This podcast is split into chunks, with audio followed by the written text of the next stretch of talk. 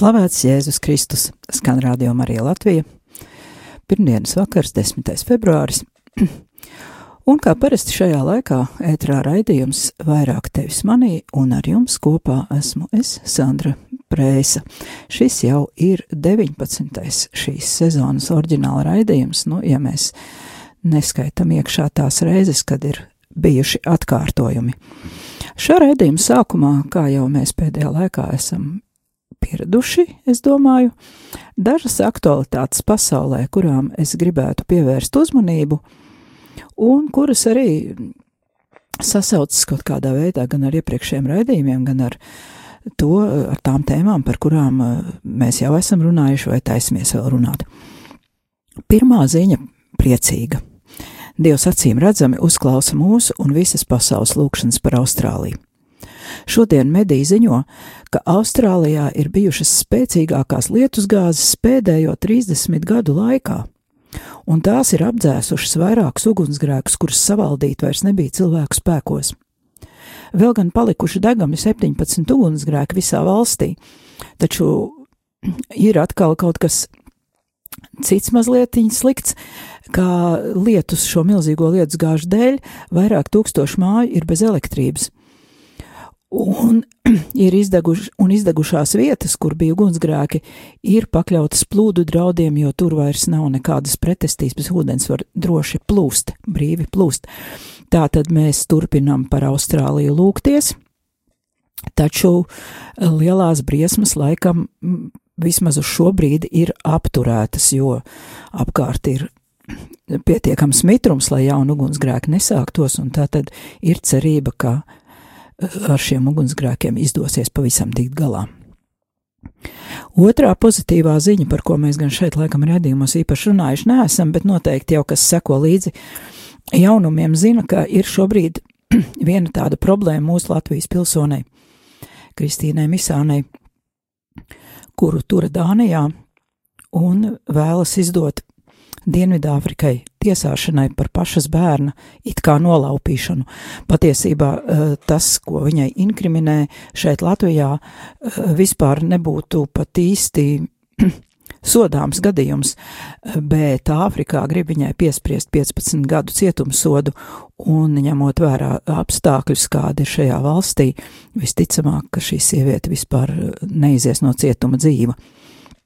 Tātad pašlaik viņa atrodas Dānijā, un Dānijas puse nesaprotam iemeslu dēļ vēlas viņu izdot Āfrikai un nevis Latvijai, lai gan tam nemaz nesot likumīga pamata, kā šobrīd uh, sāk noskaidroties. Pagaidām šī te nosacīta labā vēsts ir tāda, ka izdošana ir atlikta līdz tiesas sēdēji. Un, kā raksta TV net ziņu dienests, Misānei par Dienvidāfrikas republikā uh, noteiktajām inkriminētajām darbībām, kas Latvijā neparedz nozīmīgus sodus, uh, nemaz nedrīkstēja Eiropa, izdot Eiropas apcietinājuma ordeni par šīm darbībām, un uh, viņu vispār tā kā nemaz nebūtu li bijis likumīgi aizturēt. Un tā tad visa šī tiesvedība vēl ir ceļā, bet, nu, vismaz uh, viņa netiks izsūtīta jau trešdien uz Dienvidāfriku, uh, kā bija domāts, bet sagaidīs tiesu, kurā tiks pārskatīta situācija vēlreiz. Tātad par to arī mums jāatceras, kad mēs lūdzamies. Uh, trešā ziņa, kura uh, skar katoļus un arī visus ticīgos Latvijā, bija izlasāma portālā Katolis, tie, kas lasa internetā, tie noteikti to jau zina, vai arī varbūt kāds bija arī katedrālē uz misi, kad viesojās Rīgā Vatikāna pārstāvis svētā krēsla sekretārs attiecībām ar valstīm, arhibiskaps Pols Ričards Galagers. Tas bija 1. un 2. februārī, kad viņš bija šeit, Un vizītes laikā viņš tikās arī ar Latvijas ārlietu ministru Edgars Rinkeviču, un tika pārunāti vairāki jautājumi, kas skar Latvijas un Svētā krēsla sadarbību un arī politiskos notikumus pasaulē. Un cita starpā pievērš uzmanību. Ministrs minēja, ka Latvija pievienosies Startautiskajai reliģijas brīvības aliansei, kura tiks dibināta Vašingtonā šī gada 5. februārī jo mūsu valsts, kā teicis ministrs, atbalsta starptautiskās iniciatīvas, kas ir vērstas uz reliģijas brīvības nostiprināšanu globālā mērogā un iestāšanos pret vajāšanām reliģiskas pārliecības dēļ. Šīs alianses mērķis ir ne tikai iestāties par reliģisko brīvību, bet arī veicināt mierpilnas attiecības starp dažādu reliģiju pārstāvjiem un it īpaši valstīs, kurās reliģiju dēļ ir izcēlušies militāri konflikti. Tas bija citāts no ziņām, eh, bet ziņa par to, ka ministrs nopietni domā par pievienošanos minētajai aliansei, ir patiešām ļoti nozīm, nozīmīga un vistiešākajā veidā arī saistīta ar mūsu raidījumu vairāk tevis mani aktuālo tēmu 21. gadsimta kristieši. Mēs jau esam runājuši un zinām, ka šobrīd pasaulē notiek lielas izmaiņas, kuras var saukt pat par kultūras revolūciju. Iepriekšējā raidījumā citēja pāvestu Francisku, kurš konstatē, ka kristīgā pasaule vairs neeksistē, ka kristieši vairs nav tie, kuri veido un nosaka kultūru, un vērtību sistēma pasaulē mainās. Šobrīd visā pasaulē ir vērojams, ka sarosās sociālisti un komunisti, radikāli kreisie politiķi, lai gan savas partijas un apvienības viņi vēl dēvē par demokrātiskām vai liberālām. Tomēr viņu programmas ir naidīgas reliģijai un cenšas ierobežot reliģijas brīvību. Ar šādu problēmu šobrīd saskaras arī Amerikas Savienotās valstis, un šīs starptautiskās, starptautiskās reliģijas brīvības alianses dibināšanas iniciators ir tieši Amerikas Savienoto valstu prezidents Donalds Trumps. Savukārt pirms dažām dienām Trumps parakstīja lēmumu, kurš atceļ aizliegumu ASV skolās noturēt publiskas lūkšanas un viņš tā arī bija izteicies, ka valsti var glābt vienīgi lūkšanas un ka jālūdzas ir daudz, daudz vairāk nekā līdz šim. Tā ir tā jaukā puse šai lietai, jo patiešām reliģija brīvība tas ir ārkārtīgi svarīgs jautājums, tas paliks ar vien svarīgāks, un ja tas netiks ietverts likumdošanā, mēs varam vienā brīdī attapties, ka mēs esam situācijā līdzīgā, kāda bija Padomi Savienībā. Jā, bet runājot par ASV, protams, ka prezidenta pretiniekiem nepatīk viņa aktivitātes, un šodien dažviet demokrātu piekritēji, tas ir eh, prezidents pieder republikāņu partijai, un tātad opozīcija ir demokrāti, demokrātu piekritēji ir izgājuši ielās un sākuši demolēt veikalus, automašīnas un uzbrukt cilvēkiem, kurus viņi uzskata par Trumpa elektorātu. Šajā vardarbībā aktīvi piedalās arī cilvēki, kuri vērš rasu naidu pret baltajiem cilvēkiem, jo šobrīd ASV ir jauna veida rasisma tendences un parādās arvien lielāks naids pret baltajiem, it īpaši pret baltajiem vīriešiem, kuros redz visa ļaunuma sakni un iemeslu. Tāpat Amerikā de demokrātiem lojāla firma bija veikusi aptauju ar ļoti kuriozu jautājumu Viņi uzdeva iedzīvotājiem šādu jautājumu: Ja jums būtu jāizvēlas starp pasaules galu no milzīga meteorīta trieciena pa zemi vai Trumpa ievēlēšanu vēlreiz par prezidentu, ko jūs izvēlētos? 62% no demokrātu, demokrātu atbalstītājiem drīzāk izvēlējās pasaules galu nekā Trumpa ievēlēšanu, kā mazāko ļaunumu. Aptaujas rezultāti rādīja, ka jo zemāks ir cilvēku atalgojums un zemāks izglītības līmenis, jo lielāks naids ir pret prezidentu.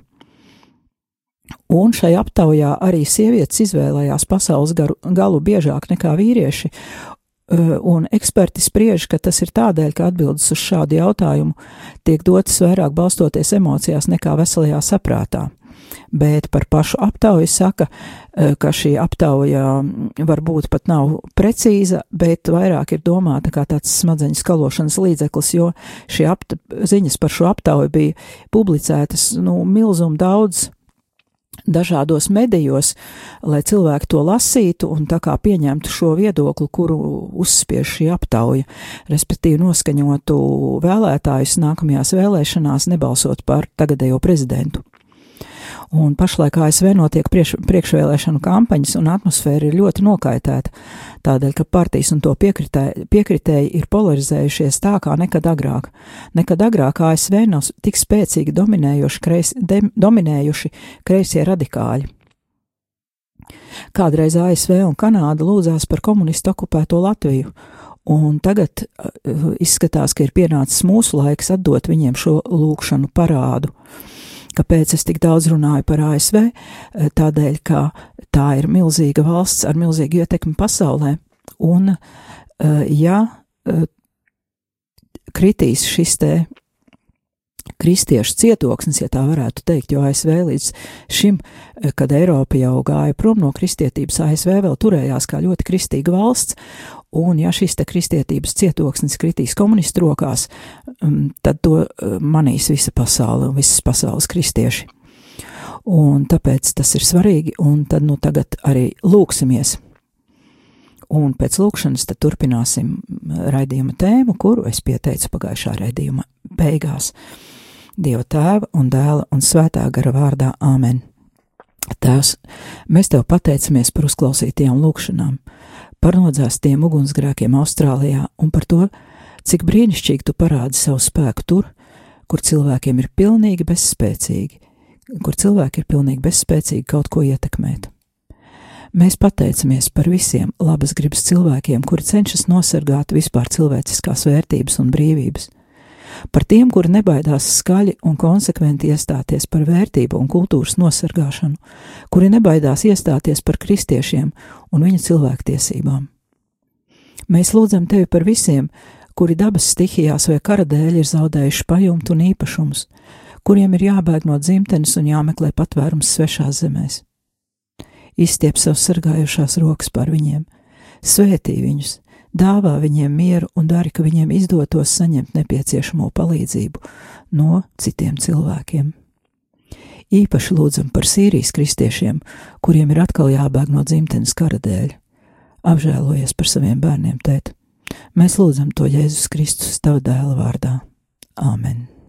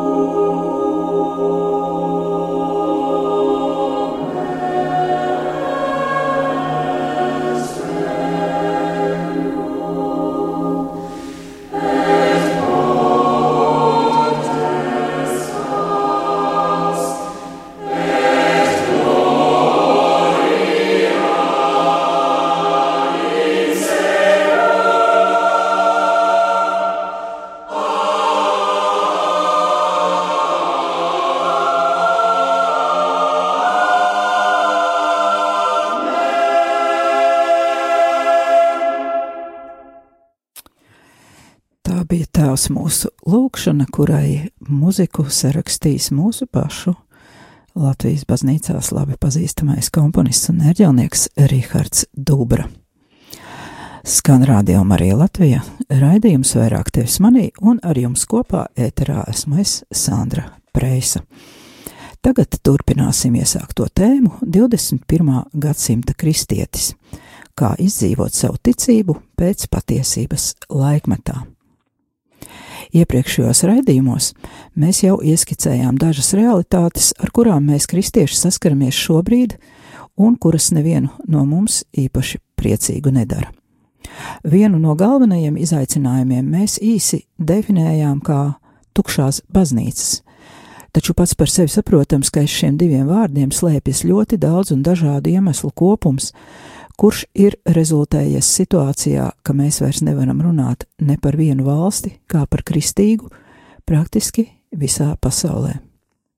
Ir tikai zemes, kurās tauta ir ievēlējusi politiķus, kur cenšas saglabāt kristīgas vērtības, un zemes, kur politiķiem šīs vērtības vairs nav svarīgas.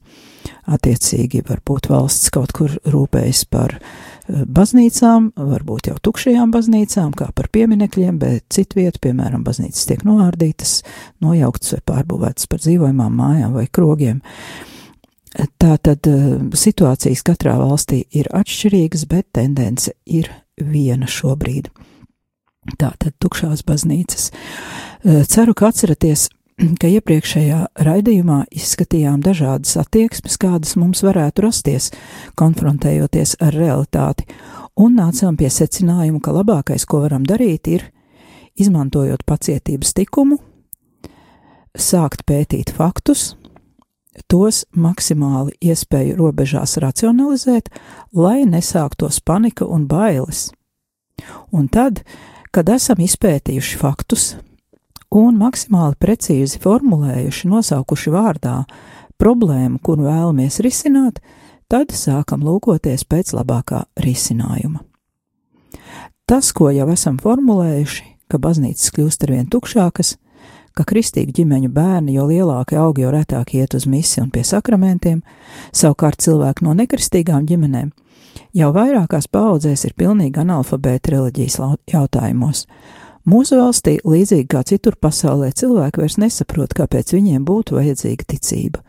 Citi vienkārši norobežojas, citi izsmēja, citi pat naidīgi noskaņoti un agresīvi cenšas mainīt ticīgu cilvēku viedokli. Tēma, par kuru apsolīju runāt šovakar, ir risinājumi.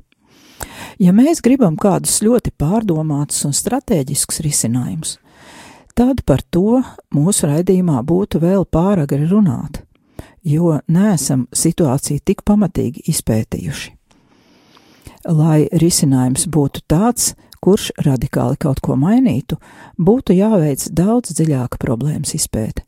Tāpēc šovakar mēs runāsim par tādiem ātriem risinājumiem, kuri mums var palīdzēt uzturēt garu, kamēr domājam par nopietnākām stratēģijām. Tagad es pastāstīšu jums vienu pasaciņu. Eh, to es kādreiz izlasīju kādā garīgā grāmatā, bet vairs īsti neatceros, kurā. Eh, man tā grāmata bija kādreiz mājās, bet es viņu meklēju un nevarēju atrast. Droši vien, kā esmu devusi kādam lasīt un neesmu dabūjusi atpakaļ. Tāpēc tagad eh, šis stāstīns būs tāda mana improvizācija par tēmu, nevis tieši atstāstījums. Šī grāmata sastāvēja no garīgā tēva e, vēstulēm no sarakstes ar saviem garīgajiem bērniem, draudzes locekļiem. Un viņš e, ar šiem draudzes locekļiem vairāk kontaktējās vēstulēs, nevis aci pret aci. Un lūk, e, viens šāds te vēstuļu stāsts. Reiz kāda draudzes locekle, trīs bērnu māte, ļoti dievbijīga, sāka piedzīvot problēmas ģimenē ar saviem bērniem un viņa nolēma pakonsultēties ar savu garīgo tēvu, ar kuru viņa sarakstījās vēstulēs, un kurš ļoti labi pazina gan viņu, gan vīru, gan bērnus. Viņa pastāstīja, ka kopš kāda laika bērni ir kļuvuši pilnīgi nevaldāmi, zaudējuši visus savus labos ieradumus un sāk uzvesties kā mežoņi. Ne viņa, ne vīrs vairs nesaprotot, kas ir noticis un ko tagad darīt. Garīgais tēvs izlasīs viņas vēstuli, viņai atbildēja ar šādu stāstu. Reiz kāds dievbijīgs vīrs, lūkšana cilvēks, kuram bija ļoti personīgas attiecības ar Dievu, un kurš šeit tad pat dzirdēja Dievu balsi, izdomāja Dievam pajautāt: Ja nu viņš nonāk debesīs, kā tad tur īsti būs? Tur taču būs arī citi cilvēki. Un viņš jautāja Dievam: Kuri cilvēki būs man vistuvākie debesīs? ar kuriem man debesīs būs attiecības. Un saņēma no dieva atbildi ar melno erzu. Vīrs pilnīgi apjuka, viņš nekad nebija dzirdējis tādu vārdu un vispār nenojaut, kas tas par cilvēku. Tomēr viņš nolēma to sameklēt un iepazīties, lai arī ko tas maksātu. Tā nu visur, kur viņš devās, kādās darbdarīšanās vai, vai ceļojumos, viņš visiem jautāja, vai kāds pazīst melno erzu un galu galā nokļūst kādā ciematā, kādā ciemata krodziņā. Viņš atkal visiem uzdeva šo jautājumu, un kāds ceļinieks viņam teica, ka zina, kur atrast šo cilvēku. Lai vīrs iet ārā no ciemata, un tur pie pašas ciemata robežas mežmalā, pie aitu ganāmpulka, viņš to cilvēku atradīs. Tā nu vīrs gāja norādītajā virzienā, un ieraudzīja mežmalā uz akmens sēžam vecu melnīgsnēju sievieti satinušos lakatā aitu gani. Bet viņai blakus ganībās jēri un vilki gulēja blakus un spēlējās savā starpā. Apkārt valdīja neparasts miers. Vīrs piegāja klāt ganai un jautāja: Vai tu esi melnā erza? Viņa atbildēja: Jā, es esmu. Un tad viņš jautāja tālāk: Bet kas šeit notiek? Vai tu vari man pastāstīt, kā tas ir iespējams?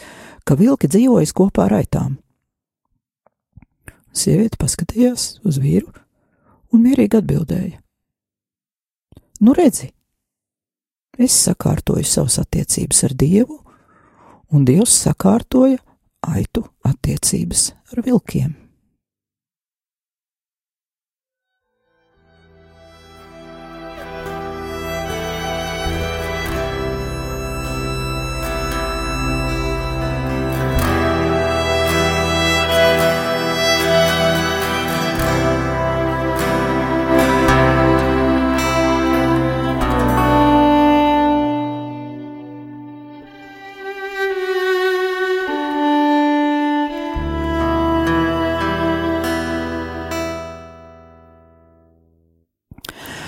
Skan rādījumā arī Latvijas raidījums vairāk tevis manī un studijā es Sandra Preisa.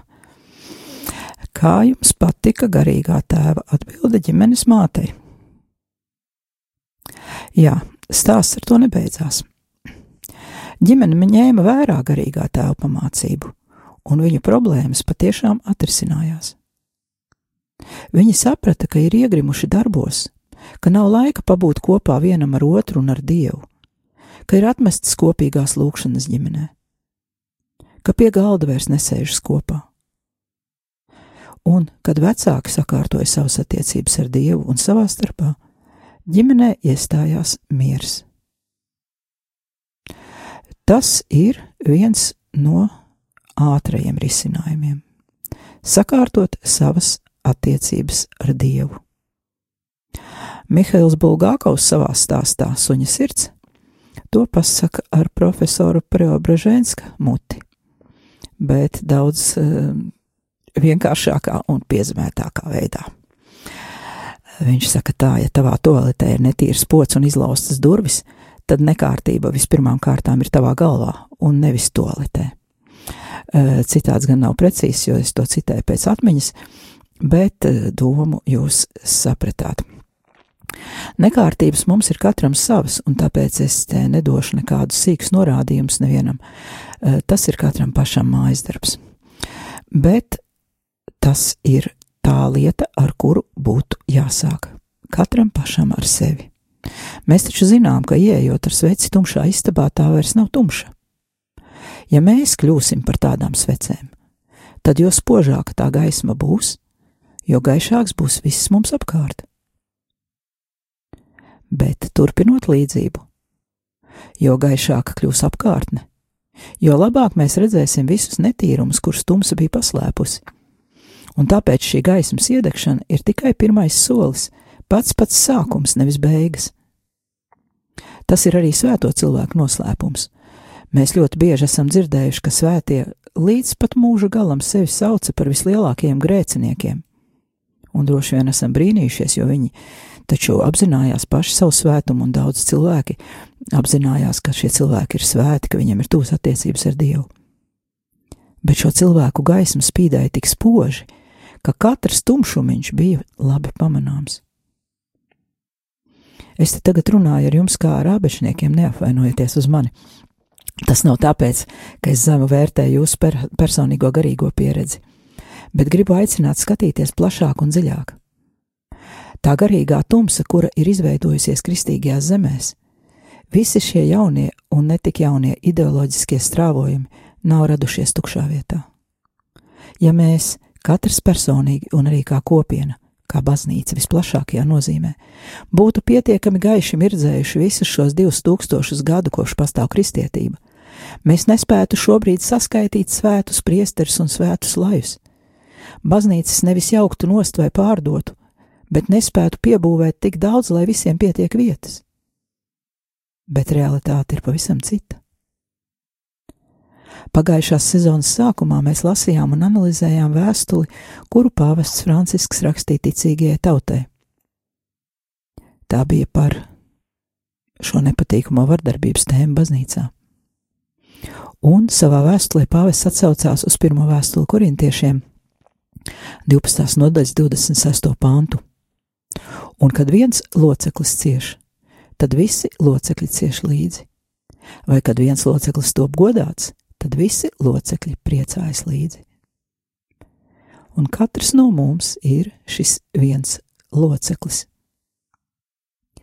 Tad, kad mēs identificējam kādu problēmu savā apkārtnē, sabiedrībā vai baznīcā, vienmēr pirmajam jautājumam vajadzētu būt, ko es esmu darījis, lai būtu labāk. Bet pats galvenais jautājums būs otrs. Ko es neesmu darījis, lai būtu labāk? Jau uz pirmo jautājumu katram labam kristietim būs daudz atbilžu un iespēja sev galviņu paglaudīt. Tad otrs jautājums būs daudz sāpīgāks. Dažreiz mūsu nepadarītie labie darbi nes lielāku ļaunumu nekā padarītie grēki. Nevelti katras misijas sākumā mēs lūdzam atdošanu nevien par padarītiem grēkiem, bet arī par nolaidību, par nepadarītajiem darbiem. Protams, mans nolūks šobrīd nav iedzīt izmisumā klausītājus, it īpaši tos, kuri šobrīd vecuma vai slimības vai citu iemeslu dēļ nav spējīgi paveikt lielas lietas. Bet lietas jau nevajag nemaz tik lielas.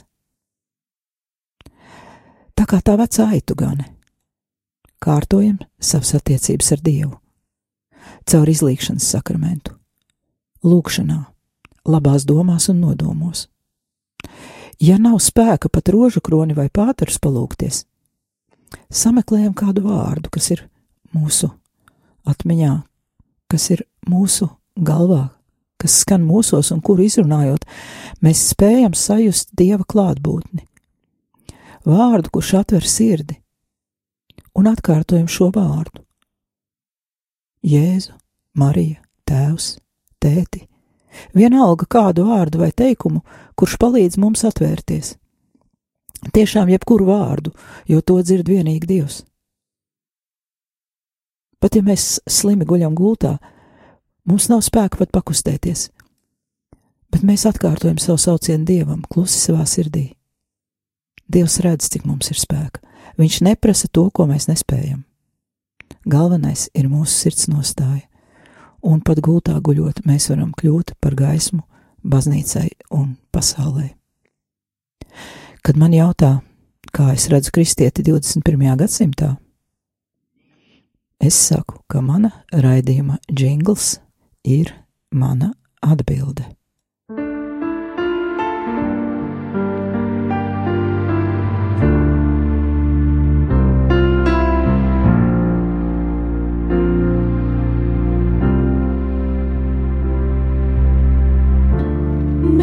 Mīlestības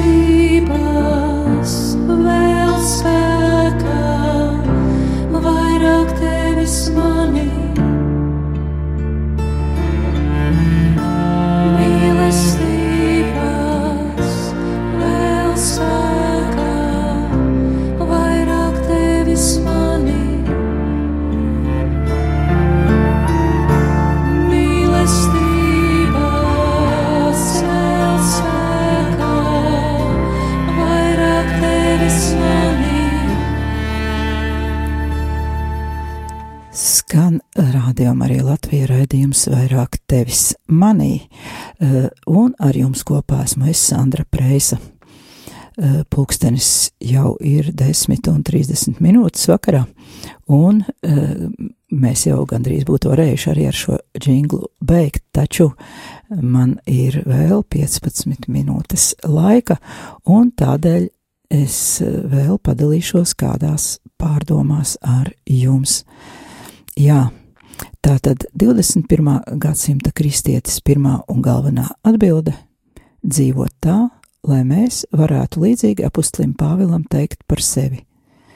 Līdz ar Kristu esmu krustā sists, bet nu nedzīvoju es, bet manī dzīvo Kristus. Bet cik tagad es dzīvoju miesā, es dzīvoju ticībā uz Dieva dēlu, kas man ir mīlējis un nodevies par mani. Galatiešiem otrā nodaļa, 20. pāns. Tātad šī lūkšana, lai mēs būtu tik piepildīti ar Dievu, ka mūsu it kā vairs nav, ka mēs esam tik pilni ar Dievu, ka mēs kļūstam par gaismu tādēļ, ka Dievs ir mūsu iekšienē un viņa gaisma spiežas cauri mūsu šķīstītajai miesai un padara gaišu pasauli mums apkārt. Tas ir tas, uz ko mēs esam aicināti, un, ja tādi būs 21. gadsimta kristieši, tad tā mūsu lieta vēl nav zaudēta.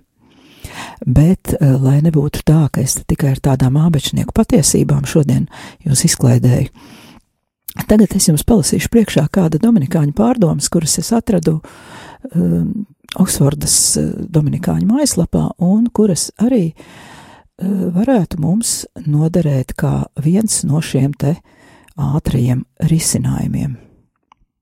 Tātad tās ir pārdomas par to, kā var atrast mieru tie, kuri visu dienu ir aizņemti savos ikdienas darbos vai mācībās. Brālis Pablo Rodrīgas Horda uh, studē Oksfordā, viņš ir Dominikāņu brālis, un tātad uh, viņš uzdod jautājumu, Kā mēs varam atrast mieru modernās dzīves rūpju pašā viducī? Un brālis dalās savā pieredzē par to, kā radīt vietu klusumam un lūkšanai ikdienas darbu steigā. Februāris. Agrs rīts, augsti. Debesis virs, virs Oksfordas klāja mākoņi un pūš salds ziemas vējš. Vēja brāzmas ar spēku triec lietus slāsas pret Dominikāņu konventu sienām. Ūdens straumēm tek pa logu stikliem. Vienā no celēm brālis ārā trokšņi iztraucēts pārtrauc lasīšanu un palūkojas ārā pa logu. Viņa priekšā ir atvērta grāmata V.E. Smits vispārīgās dabas zinātnes. Lapā lieliem burtiem izceļas kāds teikums - Aristoteļa dabas definīcija Daba ir darbības un miera princips, tas ir primāri pats sevī un nevis akcidentāls, jeb latviski nejaušs. Tātad dabas princips ir darbības un miera princips. Ar klusu nopūtu brālis atgriežas pie lasīšanas. Kā es šajā te varu atrast dievu? Viņš uzdod jautājumu pats sev. Tas ir svarīgs jautājums ne tikai Dominikāņu brālim, kurš studē ievērojot asketisku disciplīnu. Stingrība un pastāvīgās prasības saista viņu pie darba galda, patīk viņam tas vai nē.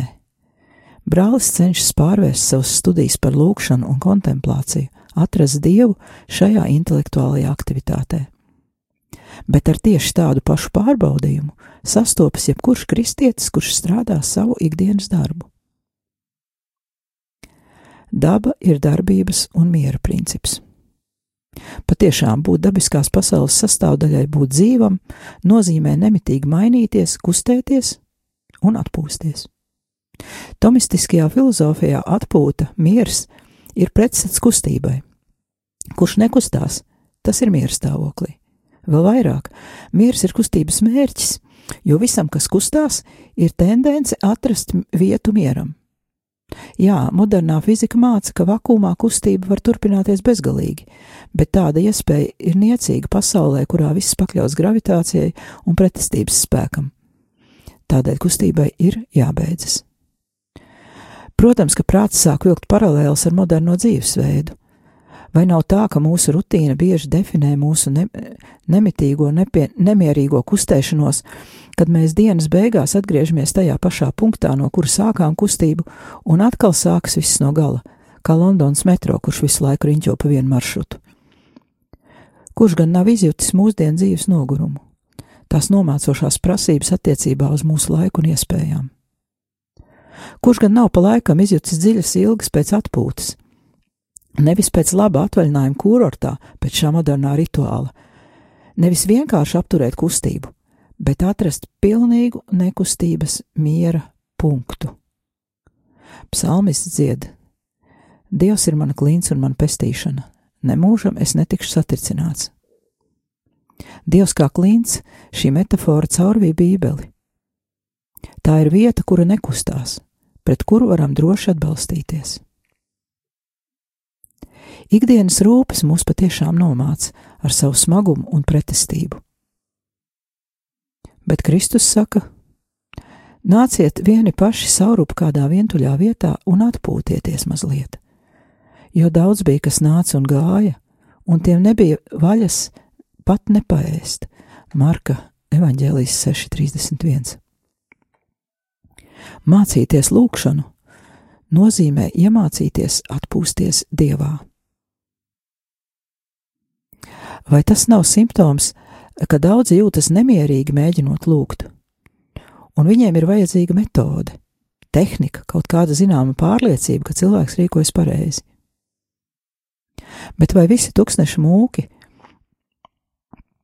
viņu, viņu labākais padoms un visas labās lūkšanas noslēpums ir tas, ka nav svarīgi, ko mēs darām, jo lūkšana ir par Dievu un nevis par mums. Mūsu cerība balstās viņa labvēlībā. Tā ir viņa dāvana, un tā ir viņa iniciatīva. Liela daļa kristīgā garīguma vēstures ir piepildīta ar stāstiem par gadsimtiem ilgo cīņu pret pelagiānismu, eh, kura, kurā uh, tika uzsvērts cilvēka nopelns, cilvēka centieni. Cilvēka grūtības un cilvēka paša upuri. Bet mums ir jāpamet satraukums, kurš ir iemit, iemitinājies mūsu centrā, un jādod vieta Kristum.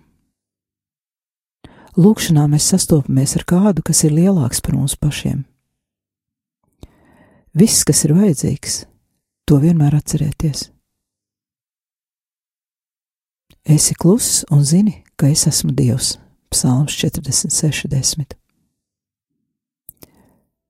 Sēdēt tabernāklu priekšā klusumā dažas minūtes un atpūsties Dieva klātbūtnē ir ļoti laba lūkšana.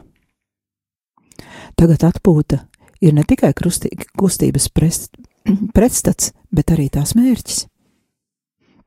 Kustība precīzi sasniedz savu mērķi, kad tā apstājas. Un tāpēc, ja mēs iemācīsimies atpūsties Dievā, mēs ne tikai atradīsim mieru lūkšanas laikā, mēs arī sāksim gaidīt šo laiku, lai atdotu Dievam visas mūsu ikdienas rūpes un noliktu tās krusta vai tabernākulu pakājē, un ļaujot sev atpūsties. Tādā veidā lūdzoties, Visa mūsu dzīve ir vērsta uz Dievu, kā uz mērķi, kā uz galīgo mērķi, uz kuru mūsu, mūs ved mūsu rīcība, mūsu jebkāda aktivitāte. Tu esi mūs izveidojis pats, pats līdzīgus sev. Un mūsu sirds ir nemierīga, kamēr mēs neatrodam atpūtu tevī, saka Augustīns uh, savā darbā atzīšanās. Mums nav jāsasniedz pilnīgs klusums. Kamēr mēs dzīvojam, mums ir pienākums strādāt, un tas ir saistīts arī ar cilvēku cieņu. Lai gan mēs nevaram atrast absolūtu perfektu atpūtu vai mieru savā dzīvē, mums ir piešķirta šī miera priekšnojauta. Un lūkšanas laikā mēs varam sākt baudīt šo uh, izklaidi, šo jau nākamās pasaules sajūtu, šo mieru. Un proti tā ir iespēja, kuru mums sniedz katra svētdiena. Vai mēs izmantojam svētdienu? Vai mēs tajā redzam iespēju uz ilgāku laiku palikt lūkšanā vai svēto rakstu lasīšanā, vai mēs redzam svētdienā iespēju atdusēties Dievā? Pateicoties svētdienai, mūsu dienas ir orientētas ne tikai uz tikšanos ar Dievu lūgšanā, bet arī uz dienu secību, uz to dienu, kurā mēs viņu satiekam īpašā veidā. Tādējādi uz šīs klints ir iespējams atrast atpūtu pat briesmu, nepatikšanu un bēdu vidū. Paskatieties uz krustu, un jūs redzat Kristu nekustīgu. Viņa ciešanu gājienā sasniedzot galu, šo paradoxālo mieru.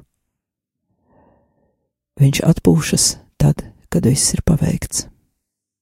Protams, tieši tās stundas vidū, kad Kristus vislielākajā mērā paļaujas uz Dievu, pametot sevi un ieliekot savu dzīvi viņa rokās,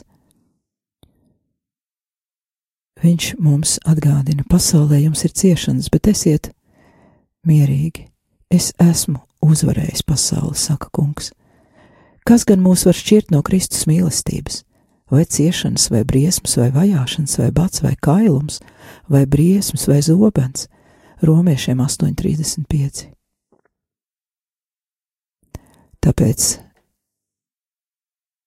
atpūta Dievā mums var palīdzēt vienmēr. Bang, bang, bang ieskanas konventa zvans, un brālis pārtrauc savus pārdomas. Viņš aizver grāmatu, paņem rokās mazu krustiņu, kurš gulējas grāmatai blakus, pieceļas un steidzas uz baznīcu, lai lūgtos ar psalma vārdiem. Mana sirds kungs nav lepna, un manas acis nav augstu paceltas. Es netīkoju pēc lielām lietām, kas man būtu par augstām. Tiešām es savu dvēseli apmierināju un klusināju, kā no mātes krūts atšķirtu bērnu. Mana dvēsele ir manī, kā atšķirts bērns. Izraēla ceri uz kungu no šī laika un mūžīgi. Psalms 131. Ar to tad arī šodien beigsim raidījumu skanēja raidījums vairāk tevis manī, un ar jums kopā biju es, Sandra Preisa. Un uz tikšanās nākamajā pirmdienā.